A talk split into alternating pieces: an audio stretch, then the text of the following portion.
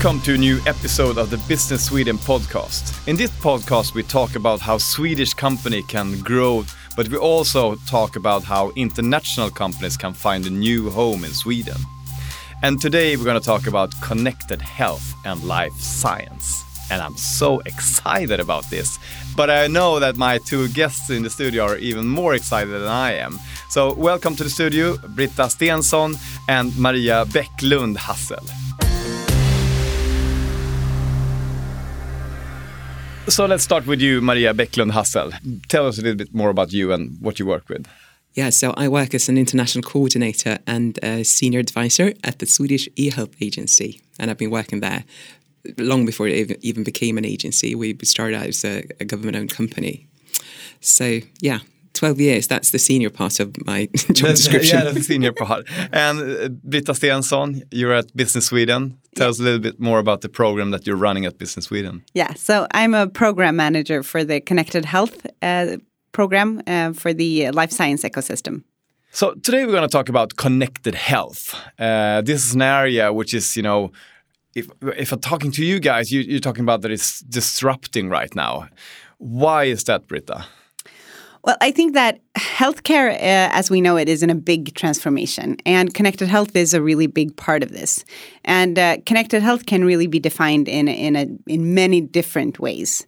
And as I see it, uh, connected health um, covers all the technologies and solutions and, and products that are needed uh, to deliver and solve the future healthcare challenges.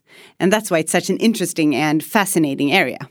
So if I don't know anything about connected health, instead of going to a meeting with a doctor at the hospital, it could be another solution. Well, connected health, it's the next step of healthcare. it's a more connected and more innovative way of delivering healthcare. You can still see your doctor in person, but perhaps he or she is using an, a connected way of meeting you, um, or you're using you're using apps, or you're using um, a connected solution or your doctor has has an, uh, a better or a smarter way of of diagnosing you or or um, of treating you somehow. So so connecting in this way is more about using the innovation and IT and technology that's available today in different parts of this section. Would you agree on that, Maria? Well, How I, do you define it? I agree. And I, I, like the definition, but I, we also have to think of um, it's more than just your doctor. It could be your speech pathologist. It could be your, your physiotherapist, and not forget everything that's happening in, in social care health uh, welfare uh, when you stay at home and, and have a visit three times a day. And one of those visits could be um, exchange for a, a, video consultation or just a camera at night that see if you're up and walking around or, or sensors in the floor to see that make sure that you haven't fallen down and hurt yourself. Those things are also connected health. It's such, such, such a broad, um, broad, broad area. Yes, definitely um, and everything connected to elderly yeah. care and elderly health and, and dental health and, and wellness in general. Like everything that you you do for your for your own health that's not directly connected to the healthcare. Everything you do, you connect yourself. I'm, I'm pointing to my Apple Watch here, but everything that you do to collect data for yourself and to to manage your own health and your own wellness and your own well-being that can also be included somehow in the sort of in the connected health ecosystem or the connected health um, world. It's interesting that you said uh, dentistry because I saw a report from uh, I think it was Japan, of the use of uh, telemedicine and dentistry, which in my mind does not add up because I go to the dentist and open my mouth. But you can actually do that digitally now. Yeah, with a camera in your mouth. Camera in, yeah, well, still, someone's going to be in my mouth for some reason. yeah. Well, it is a really broad area. Um, and I think that it is um, so monitoring of patients is, is a is a big area in connected health. Um, but I think it's important, as you said, uh, Maria, uh, to also include uh, elderly care, for example, and and uh, telehealth and telemedicine is is maybe the first that you think uh, that you think of when you talk about connected health. Like, and I mean, health is one of our biggest challenges right now in in in the world in in different sections, of course. But uh, Maria, in the e-health agency, the Swedish e-health agency, what are your goals there? What do you want to achieve? What we want to achieve, we are we're sort of um, a government agency. We work on, on assignments from the government, and, and in our instruction, there's sort of regulation that um, tells us why we exist in the first place. It says that we should be coordinating the government's initiatives on e-health. So whatever the government think is impossible, uh, not impossible, whatever the government think is possible and uh, interesting to follow, we have an obligation to to do that and support them and give them information from what we see around the world. And that's sort of part of my work is to um, watch and observe what other countries are doing and report back home. Yeah. So give us a couple of examples here. What kind of things? Well, we, we represented Sweden in something called the GDHP, the Global Digital Health Partnership, where there are around 30 countries from all over the world, all continents are represented there, together with WHO and um, OECDC. And that gives us a great network uh, and connections to countries where where we get information on how they are solving certain um, questions, certain uh, issues. Um, we work in groups on interoperability, obviously in policy making and consumer engagement. And consumers in this case are patients, or us as citizens. And that's a very good example of how we work to make sure that we learn from other countries. Um, we also have the innovation partnerships that we have one with France and one with Germany, where we a small part of those are connected to e-health. Um, it gives us also an opportunity to to learn from those countries and also learn tell us tell them what we are doing. So Britta, why do you think Sweden is so successful in the life science area, or or you know talking more specifically about connected health? We have really high ambitions when it comes to life science. We have a life science strategy from the government. We have a life science coordinator and a life science office from the Swedish government and we have our own e-health agency. And I think that we really have a we have a long history of life science, and we have a, I think we have a strong future in life science as well. And there are a lot of parts uh, why we to this. And um, for example, we have a really we have world class research. We have a lot of really strong research institutions. We have universities that have leading research across the, the nations and they have nation and they have groundbreaking scientific discoveries um, like the, the pacemaker and uh, the uh, the CRISPR system that was recently awarded the the Nobel Prize. And we have a health healthcare system that is really of high quality. Um, Karolinska Hospital was named one of the top 10 hospitals in the world um, recently, uh, which is really impressive for we are a small country, um, and that is an impressive achievement. And we have a, a strong and and open innovative system um, for for innovation and for entrepreneurship. Uh, we talk about this multiple helix, uh, which is important for the life science industry. So, Britta, why do you think Sweden is so successful in life science, and and what about the ecosystem around this in Sweden? Well, if you're talking about connected health specifically, um, I think that we have a really good ecosystem for this type of companies. So we have some traditional Swedish strengths of a really good healthcare system and a really good research community, uh, together with the Swedish tech and entrepreneurship and an innovative system. And that together has created a, a, a, set a scene for really good tech companies in, in health and in connected health. So we know that Sweden has high ambitions in life science and connected health, and we are, you know, you're talking a little bit about the perfect storm here. Let's have some examples of Swedish companies or innovations that's uh, going global right now. Let's start with some some company groups of companies. Yeah. Um, so, for example, uh, we have a, a group of fast-growing e-health companies that provide digital health services, like the the the, the digital doctor services. Um, there's a whole group of them uh, that are now going globally and uh, expanding beyond Sweden. And we have also a group of, of more the femtech companies providing services uh, directed towards women. Uh, that's a really interesting area where we have some strong Swedish companies. And uh, there's also uh, the, the, Swedish government's prize for export success was also appointed to a Swedish life science company just uh, a few months ago, or a few weeks ago, actually. And what uh, business was that?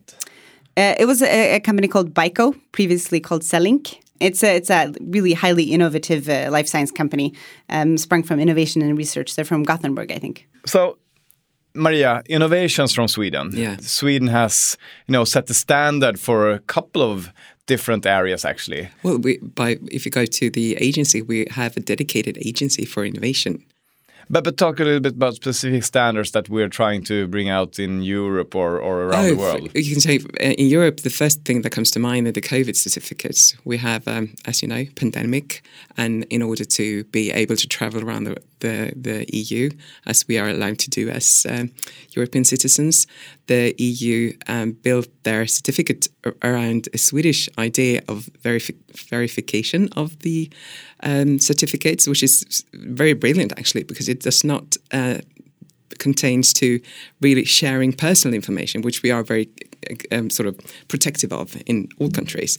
Um, so the idea is that we just verify that the certificate was uh, issued properly within um, sort of approved key. And this is a Swedish innovation, but it, in a collaboration with other countries, right? Yes, it's a Swedish idea. It came from um, engineers or developers at the um, Swedish um, Agency for Digital Infrastructure, DIGG.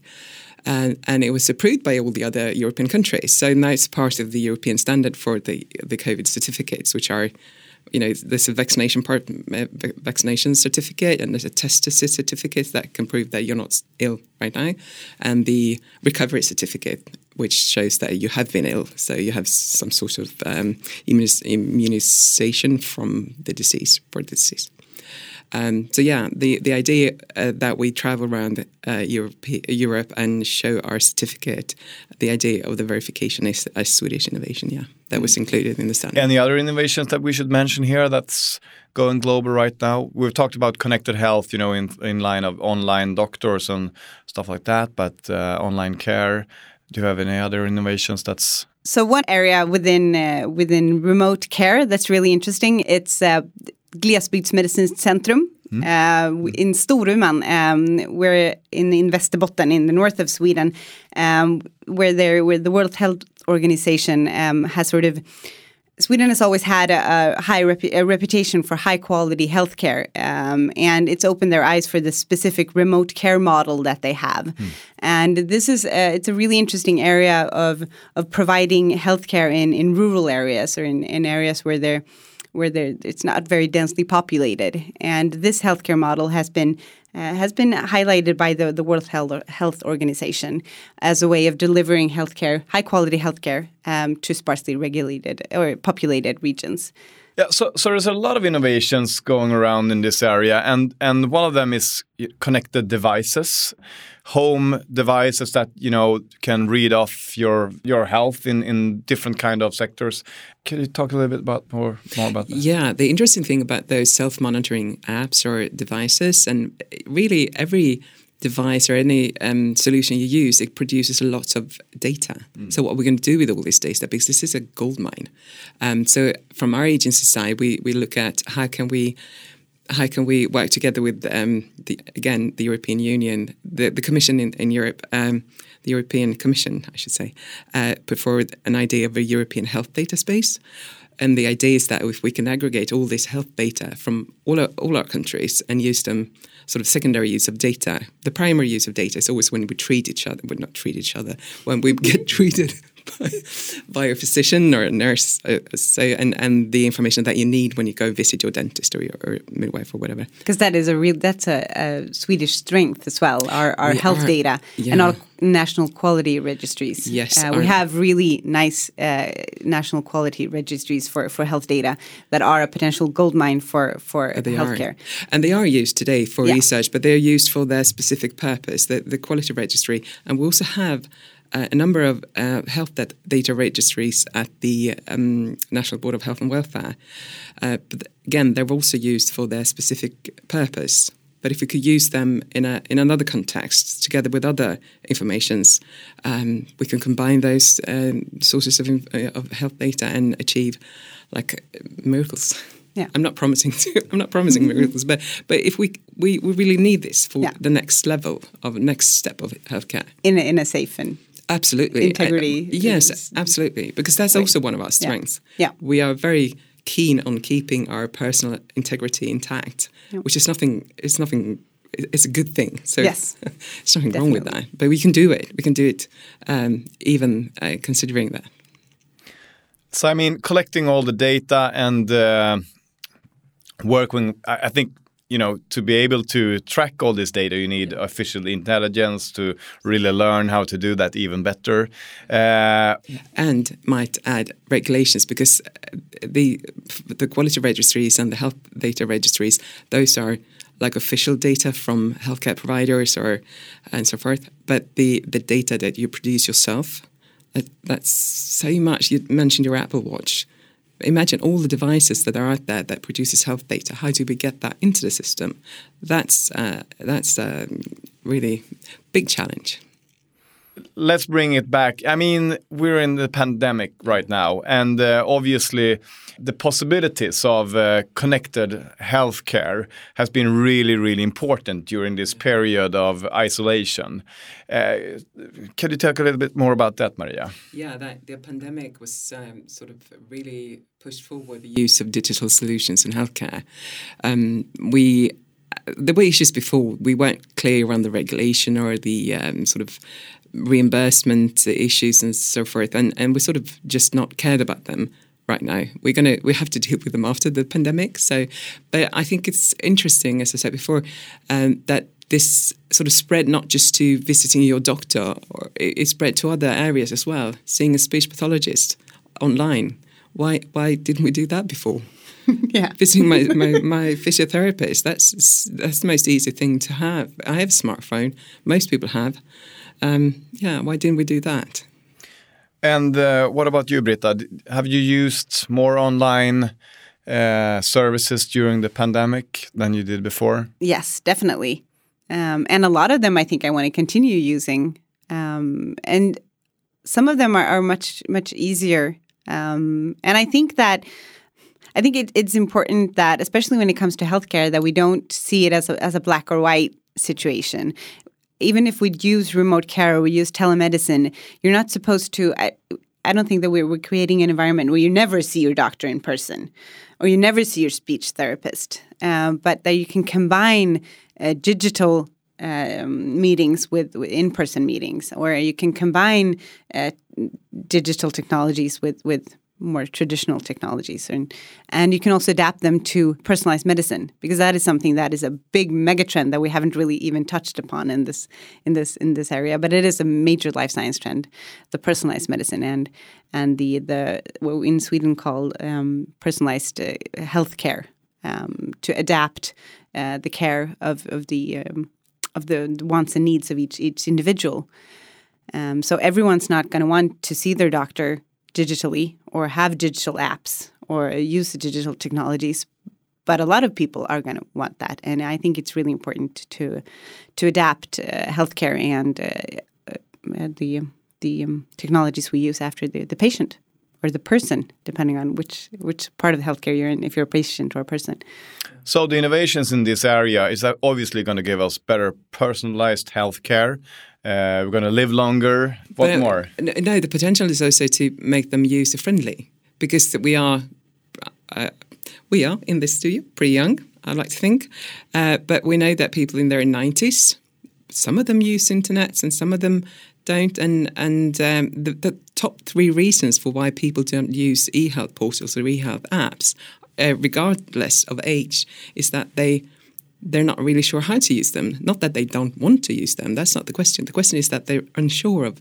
how to use them. So if you can make a better user experience in in an app or in a health portal, you will get more people to use them. So I think that's a great potential for for for companies. So one of your missions in, in, in, in your work professions is to bring international companies to Sweden as well. You know, uh, wanting them to have their kind of research and development in Sweden or invest in Swedish companies or be part of the ecosystem in Sweden. How do you attract international companies? Uh, let's start with you, Britta. Well, I think that international companies should come to Sweden uh, to to take part of this wonderful life science ecosystem that we have here. Uh, with all the parts that we've already discussed here, with the the strong um, research and uh, the startup scene, which is really strong and vibrant, and the science parks and incubators, and the healthcare system, and the the uh, multiple helix, and I think this together is a really strong um, ecosystem um, that is really vibrant and really exciting. So, so let's take this from the Swedish position. Globally, what kind of demands are there out there in in terms of connected health? Uh, so there are huge demands for, for new solutions and new products, and I think that Swedish companies can fill a lot of these demands. Uh, so one of these is uh, solutions, AI solutions for for handling these huge amounts of data that we talked about. And Swedish AI companies are really well equipped to to solve these these issues. Another one is remote care. Um, we talked a little bit about that previously, but you know apps and and uh, software solutions to to connect um, to to a whole remote care area. Another one that we've also talked about is femtech. Uh, it's a really interesting area where there are some Swedish solutions and there are more coming, I think. Can you give some examples of what femtech is all about? So femtech is uh, companies directed towards uh, solving health, health issues for women. Okay, so and and more areas. And another area is uh, mental health in general. Uh, both uh, mental health apps that help you uh, sort of more toward, directed towards wellness and managing your own mental health, but also psychologists and psychiatrists online. that type of type of solutions are really also growing in demand. Okay, so let's talk a little bit about uh, digital medicine. Uh, what is that, and, and, what's happening in that area? For instance, if you have a VR glasses that will connect your eyesight, you, uh, you can prescribe this in Food and Drug Administration uh, approved uh, a technology that will imp- improvise uh, will um, improve improve will improve uh, the eyesight. So children who suffer from I don't know what the medical term is, but we call it lazy eye when the when the when there's a muscle in the eye that is a bit too long that hasn't been that can be sort of um, trained to to uh, correct the eye. There are more and more digital concepts, uh, digital add-ons to to pills, mm. And sort of the uh, the um, there's um, a sliding concept, as you say, of, of, of um, pharma and uh, connected health. And again, we get the we get the health data from that, and how do we incorporate that in the health system so that when you go to your doctor, you don't have to do the same exams again because the health the data is there. You just reuse it for when you're vis visiting your your uh, eye doctor, which is probably more better name. So finally, Maria, the e-health agency. What yeah. are the biggest challenges right now, and what can we expect? But you know, but vision for e-health 2025. This is that we should be the best in the world of using digitalization for improving our health for e-health. Um, the biggest challenges we have is that we were digitalized very early on in Sweden. We have we are very good at it, but to to get it to the next level, there are some fundamental conditions that need to be changed or improved. The regulations has to be modernized. So we talked about earlier about sharing data for health. Um, we have to make sure that we have standards and specifications that companies can use when they build systems, so they are interoperable with each other. And then we have to find a common use use of terminology. So we we call blood pressure blood pressure no matter what system we're using or no matter what health data we are uh, collecting. So, Britta, to wrap this up, what do you see happening in the upcoming years now for, for the connected health program in Business Sweden? So we are really excited to continue working with this uh, this program in this area. I think that Swedish companies have the solutions that are needed to solve the a lot of the future challenges in, in healthcare and in, in in this area. Uh, we have a lot of, of really interesting uh, companies and solutions, and we're really excited about working with this in the future. Thank you very much for coming to the studio today, Britta Stensson and Maria Bäcklund Hassel. Thank you so much for having me. Thank you. I'm so excited. You know, I'm, I'm going to use all the apps and I'm going to make, make everything happening you know, in the connected health sector and I'm going to live for maybe 200 more years. Yeah. Yeah. Thank you.